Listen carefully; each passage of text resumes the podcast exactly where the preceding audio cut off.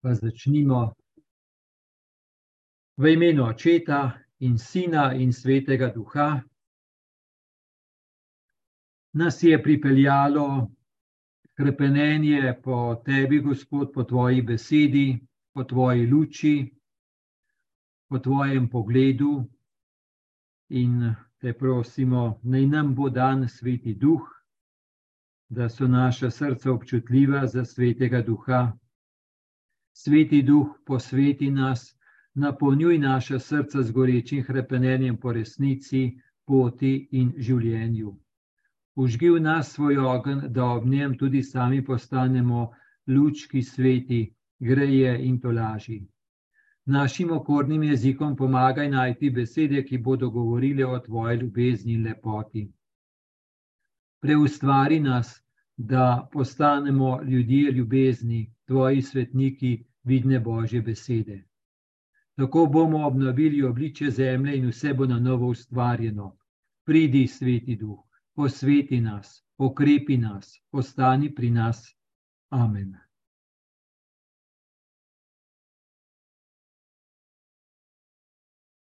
Odlomek. Odlomek je od prve postne nedelje, ker je pred nami prva postna nedelja, post se je že začel na pepelnico, no in pred nami je prva postna nedelja, odlomek pa, kako je kušnjavec napadel Jezusa.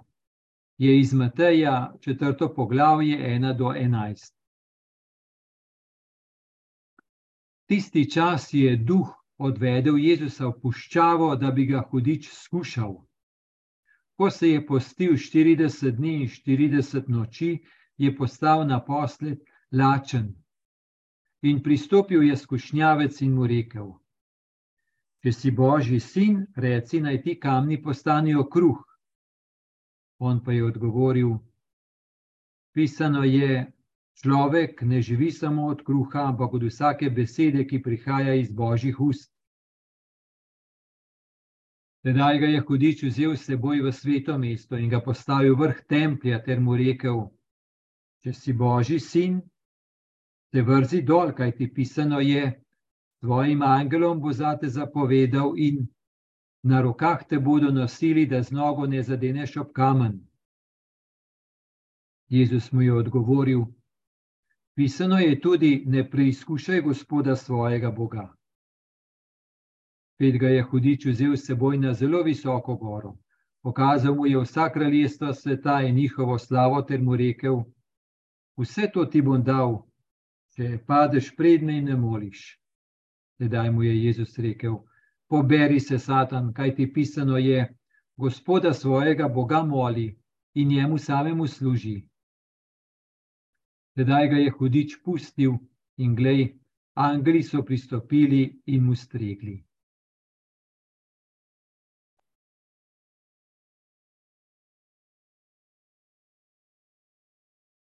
Torej, začel se je postni čas in nam je dan za prvo postno nedeljo ta odlomek.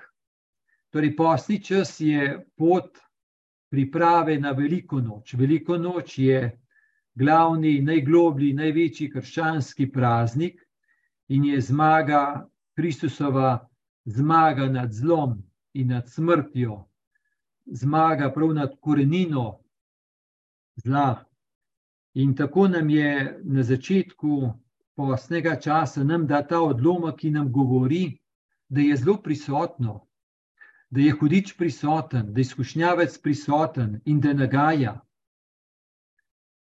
Ko, če beremo v svetem pismu, beremo, kako Bog ustvarja, in potem pa kako hitro pride hudič in začne kvariti božje stvarstvo in kvar na ta način, da najprej oslabi ali pa uniči, skoraj uniči odnos Bog človek. Torej, tem skušnjavec res dela škodo. No, in tako se spravi tudi na Jezusa, tudi na nas se spravi. In uh, Jezus ga premaga, Torej, hudič vidimo, je zelo zvit, prebrisan, pozna človeka, krhkost in um, nagaja, no, ampak Jezus premaga. Torej, v tem imamo dvoje. Eno je, da če smo, torej, če je bil Jezus skušen, če so Jezusa napadale skušnjave, potem tudi nas. In da če nas napadajo skušnjave, ni nič narobe, da se ne bi že zgolj zato, če nas napadajo skušnjave, da se ne bi že slabe čutili, pa grde čutili. Ker včasih je res tako naredi, ne pride kakšna skušnjava in se, torej sugestija skušnjave, in se človek že zaradi tega ima zagrdga, slabega. No, in če se to stori, pomeni, da je skušnjava že precej uspela, pomeni, da je že prišla noter v srce, da si jo že, da se jo že nekako se že identificira z njo, že vzamem za svojo, si jo že prilastim.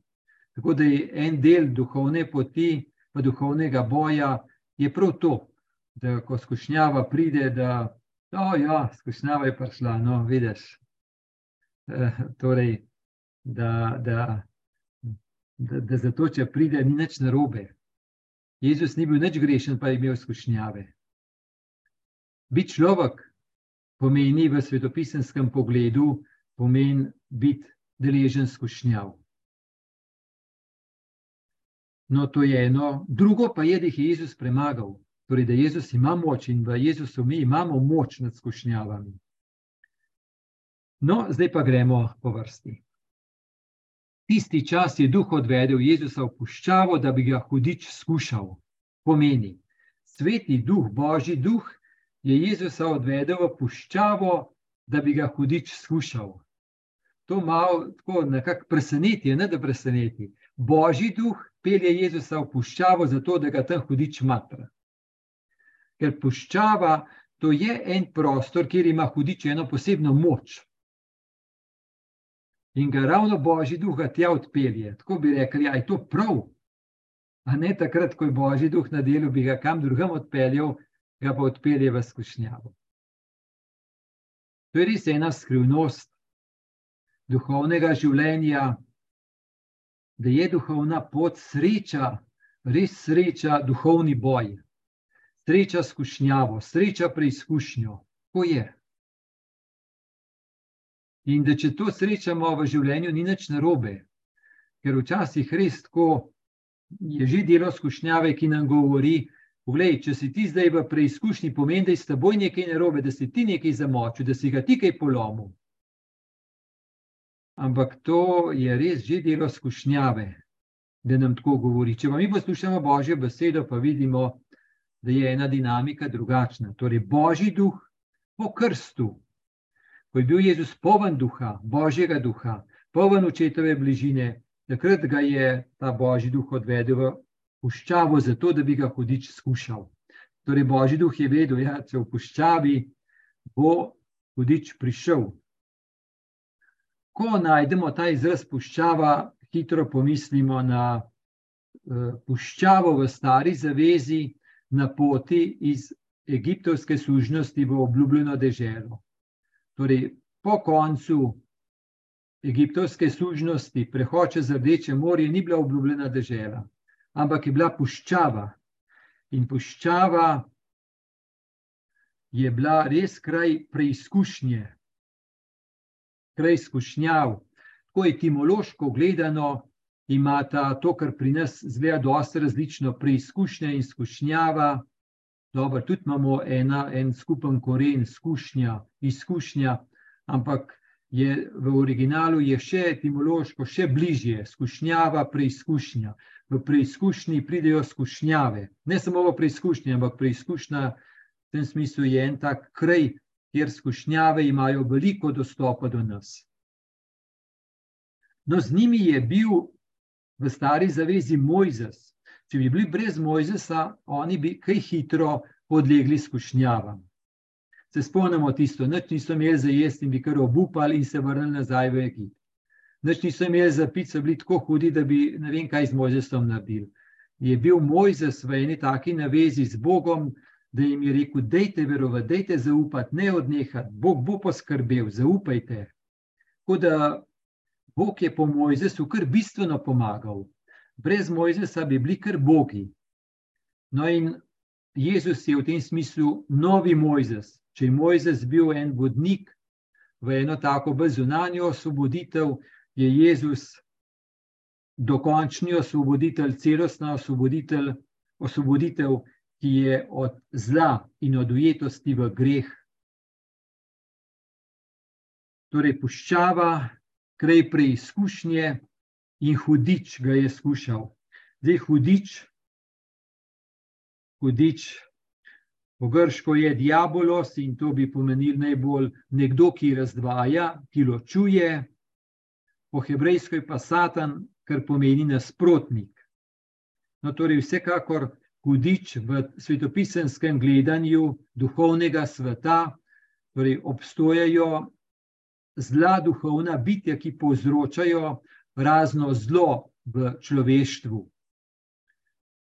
In torej, krščansko gledanje je, da obstajajo zla duhovna bitja, torej, ki povzročajo zlo, ki kvarijo stvarstvo, in da je to Jezus premagal.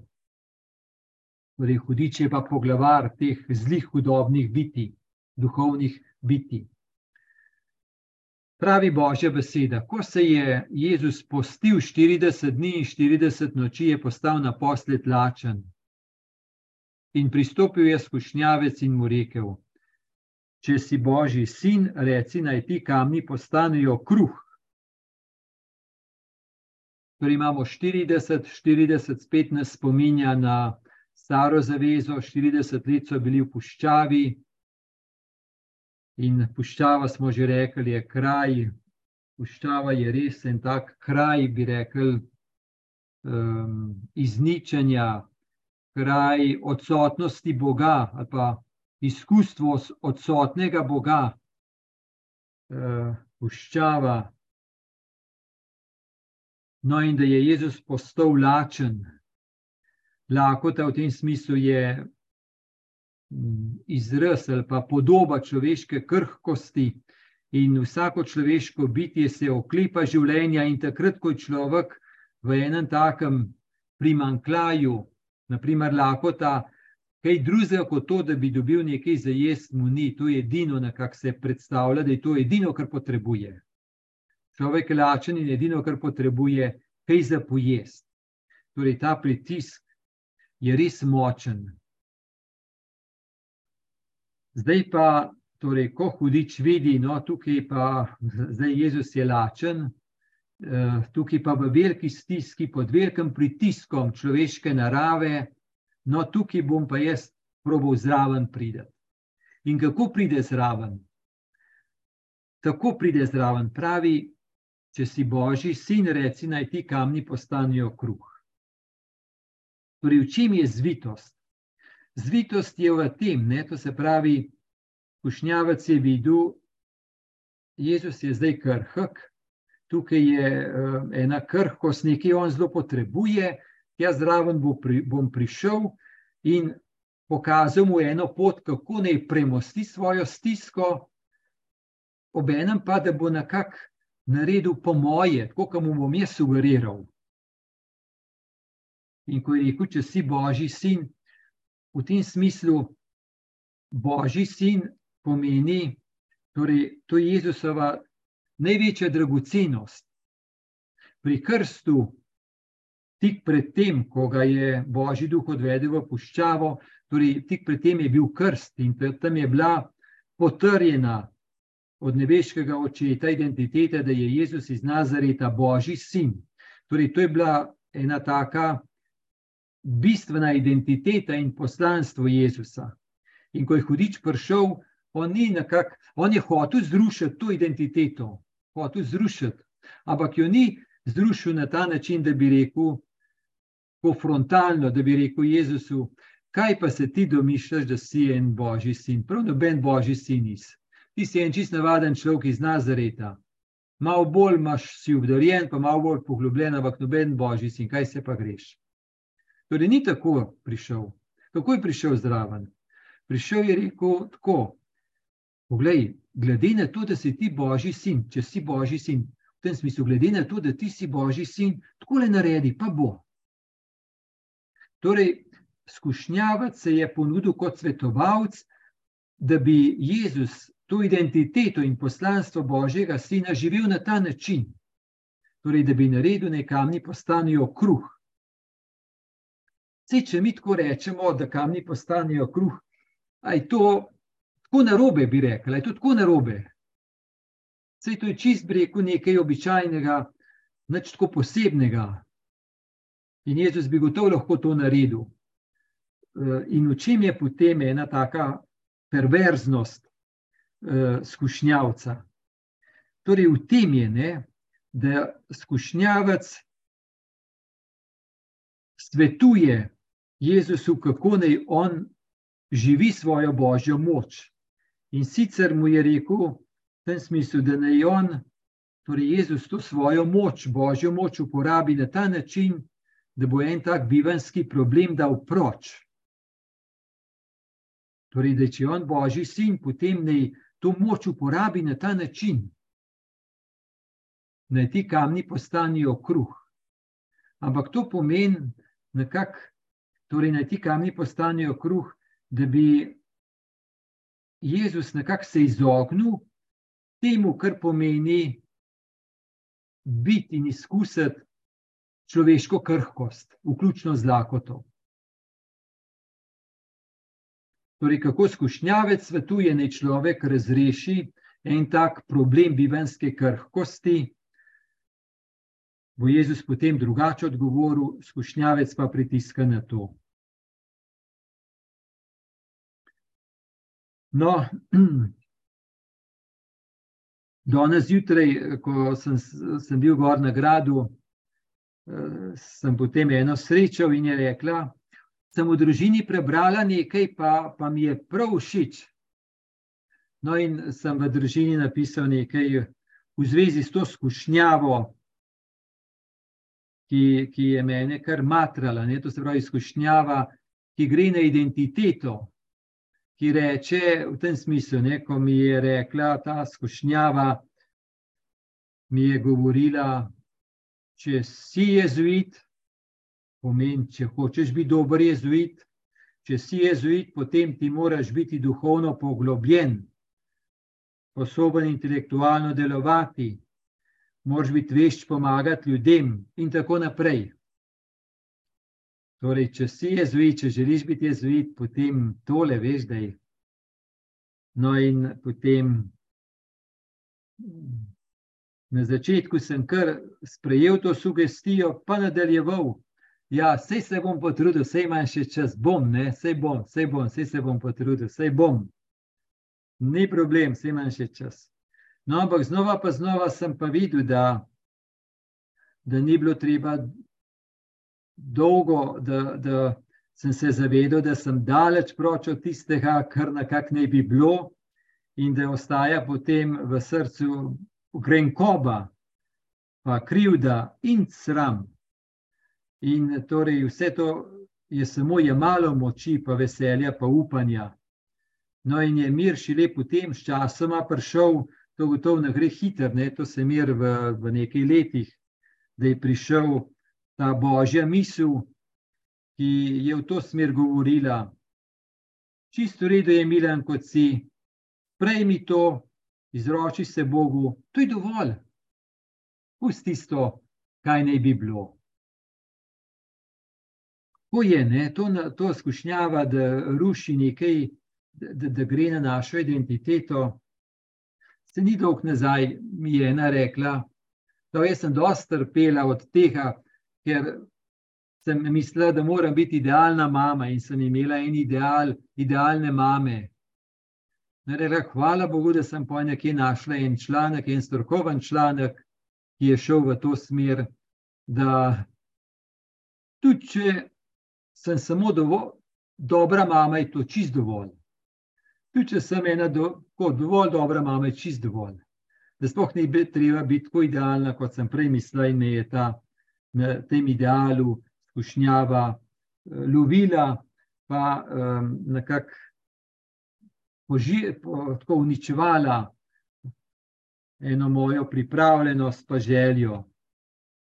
Torej, čutimo malo, kaj pomeni, kako lahko skušnjava na identiteto človeka lovi nekaj, kar je najbolj dragoceno, in tam človeka izkoristi in ga okrog prinese in mu nekaj grdega noter vrže. Da krade, skušnjava zares krade, kar Bog želi dati.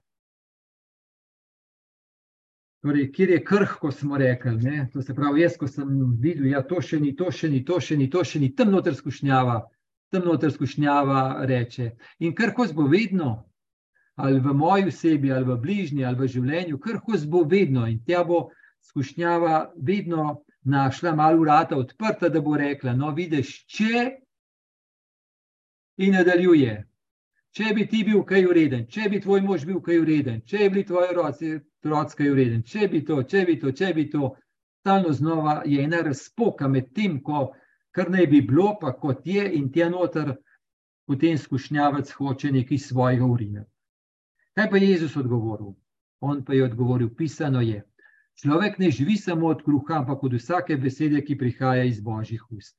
Torej, jasno reče: res je, človek rabi kruh, ampak ne živi samo od tega, To, da je človekovo srce napolnjeno in nahranjeno, je še kaj drugega kot pa kruh.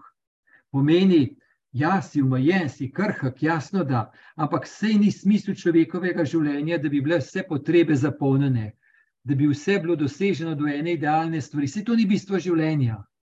Bistvo življenja je, da ti spoznaš, kaj Bog želi dati, kaj Bog daje, kako Bog nahranja.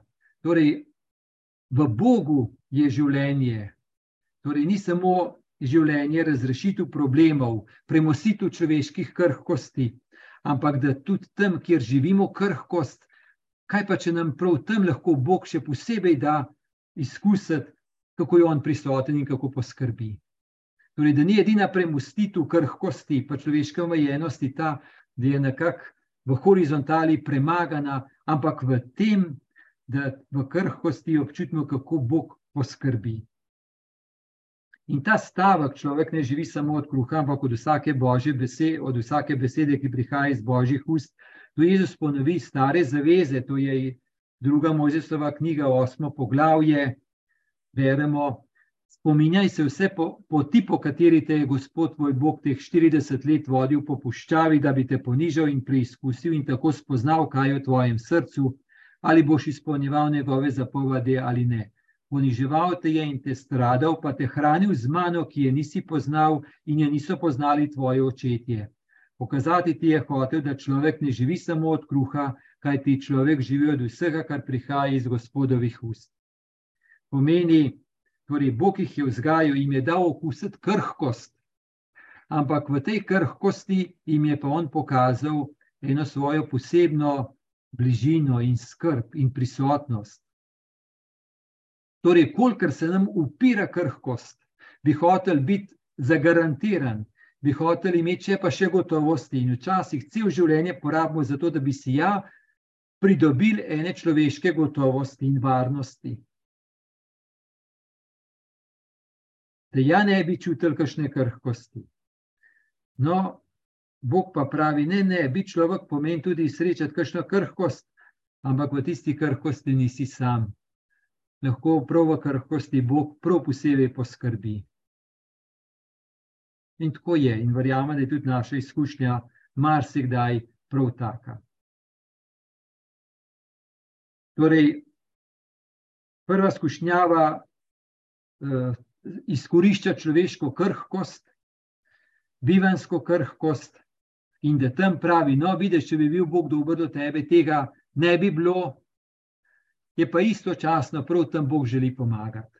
Ampak na en drug način, na en nov način, ne samo skozi razrešitev problemov, ampak na en nov način. Na en način božjega okusa, božjega življenja, da smo le odprti. Torej, vsekakor kruh je gotovo pomemben, reševanje problemov je pomembno, ampak vendarle, ko v tej situaciji lahko vidimo, kaj pomeni ena. Um, ena, rekel, stanje zahodne civilizacije, zahodne kulture, pa blagostanje. Mi gotovo uživamo blagostanje, ki ga človeštvo doslej ni poznalo, prav zahodna civilizacija. Imamo toliko gotovosti, toliko varnosti, toliko moči, toliko nekako vsega, da je premoščena naša krhkost. Še življenje bi še podaljšalo, še ne vem, dokam. Pa to ni slabo. Ampak nekako mislim, pa, da močno čutimo, da življenje ne priteka samo iz tega, da je ena globlja skrivnost življenja, Boga, odrešenosti življenja in da je to bolj vezan na zajemati iz Boga, iz Božje ljubezni. In da je to ena druga nahranjenost. Torej, kjer je Bog, pomeni je ljubezen, je občestvenost, je zaupanje, je odprtost. To. Ker so pa samo breko te zunanje gotovosti, tam se pa zelo hitro naseli strah in ogroženost. No, pojdimo naprej, to je bila šele prva, prva, pa jih imamo še nekaj. Tedaj ga je hudič vzel s seboj v sveto mesto in ga postavil vrh templa ter mu rekel: Če si božji sin, se vrzi dol, kaj ti pisano je, svojim angelom bo zate zapovedal in na rokah te bodo nosili, da z nogo ne zadeneš ob kamen. Torej, vidimo, da spet gre na identiteto božjega sina. Spet reče: Poglej, Jezus, ti si božji sin. In če si ti božji sin, to je pa res nekaj velikega. Dej, če si ti božji sin, pomeni, da ti imaš pa gotovo eno veliko zaupanje v Boga. Ta, tako zaupanje v Boga, da ga zdaj pa noveden ima. In tudi ti zelo poznaš sveto pismo in veš, kaj je v svetem pismu napisano. Tam je napisano, da ti se lahko tudi karkoli dol vržeš, kar iz, iz, kar se dol vržeš, in Bog bo za te poskrbel, se ti bo to tako zaupaš, ne, da tako naredi. Torej, hudič izrabi, zlorablja, prav zlorablja nekaj nebel svetega, Jezusovo identiteto. Torej, pelil ga je v sveto mesto, na vrh templa, pomeni nebel sveto. In božjo besedo je uporabil, prav božjo besedo je uporabil. Zdaj se je zelo potrudil hudič. Torej, nebel svete stvari, ampak da bi jih Jezus nekako živel na način skušnjavca. Tako ne, kako je skušnjavec res prebrisan in kako je inteligenten, kako res ukrog prenese. To skušnjavo včasih imenujejo skušnjavo pobožnih ljudi. Da je človek lahko tako pobožen, da bi rekel: No, jaz bom pa tako zaupal Bogu, da se bom kar dol usedel ker zaupam, da bo Bog vse mi prinesel na krožniku. Se zaupati je dobro, ampak zaupati Bogu v tem smislu, da ne rečem, da, si, da jaz naredim scenarij, kako naj Bog za me poskrbi. To je ne. Kdo dela ta scenarij? A je človek, ki ga dela in reče: No, Jezus, jaz sem. Ne, torej, ni tako, ne da bi se Jezus dol vrgel in bi rekel: Oče, jaz sem dol vrgel, ti zaupam, ti me pa tako le drži. Torej, Jezus bo močno zaupal nebeškemu očetu, ampak na način nebeškega očeta, ne na način skušnjavca. In uh, je res, če mi ne poznamo svetega duha, božje besede, potem res lahko zelo, zelo nasedemo. Se spomnite tiste zgodbe, veliko jo kdo pripoveduje, ko, ko je bila ena poplava, pa je nekdo prosil uh, Boga, da, da, da reši me, in je dobil odgovor od Boga: Ja, se te bom rešil. No, pa so prišli reševalci, pa je rekel: Ne, ne, ne bi, Bog me bo rešil. Ja, če nočeš, pa ne. Pride še enkrat, eni drugi, ne, ne, Bog me bo rešil. Pride na koncu helikopter, ne, ne, Bog me bo rešil. In je utonil. In zadnji pogovor med Bogom in njim je bilo, In mu je rekel, Bog je ljuba duša, vse sem ti rekel, da te je prišel rešiti. Je rekel, zakaj pa nisi? Je ljuba duša, tri sem ti poslal, pa ti ni bilo dosti, kaj pa še hočeš? Tako ne, kaj so naši scenariji, naši tako ne, kaj pa pomeni eno zaupanje in odprtost in širina, to je nekaj drugega. Torej, Jezus mu je odgovoril, pisano je, ne preizkušaj gospoda svojega Boga. Kaj je v tem smislu, ne preizkušaj? Ne preizkušaj v tem smislu je, mm, V stari zavezi najdemo peta Mojzesova knjiga, šesto poglavje. Ne preizkušajte Gospoda svojega Boga, kakor ste ga preizkušali v masi. Kako pa je bilo v masi? To je bilo v tisti puščavi. Beremo v drugi Mojzesovi knjigi, 17. poglavje. Ljudstvo je bila, bilo tam žejno in je godrnjalo zoper Mojzesa, zakaj si nas izpeljal iz Egipta, in tako naprej.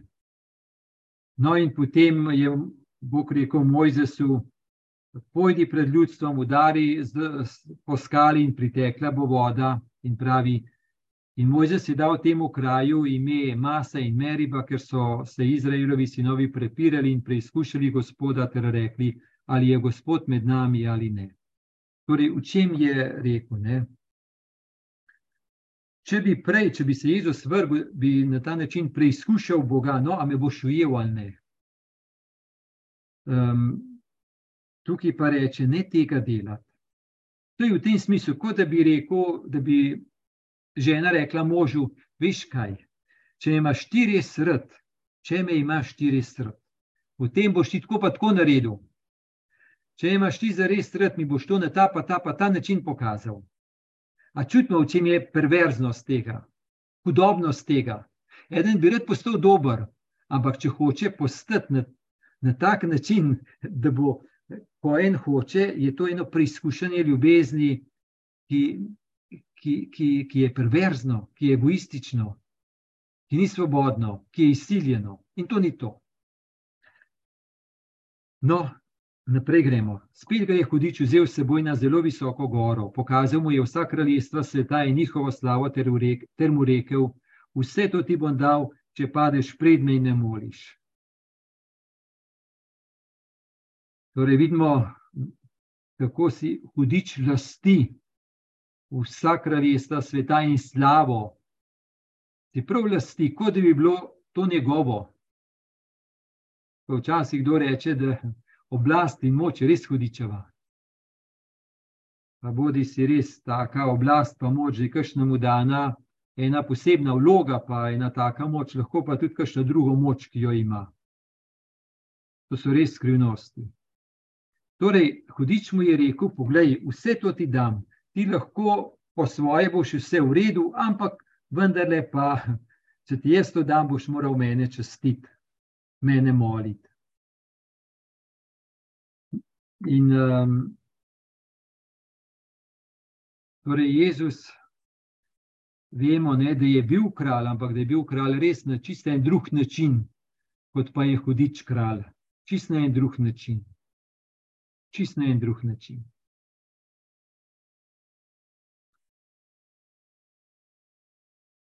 In tedaj mu je Jezus rekel: Poberi se, Satan, kaj ti pisano je, gospoda svojega Boga moli in njemu samemu služi.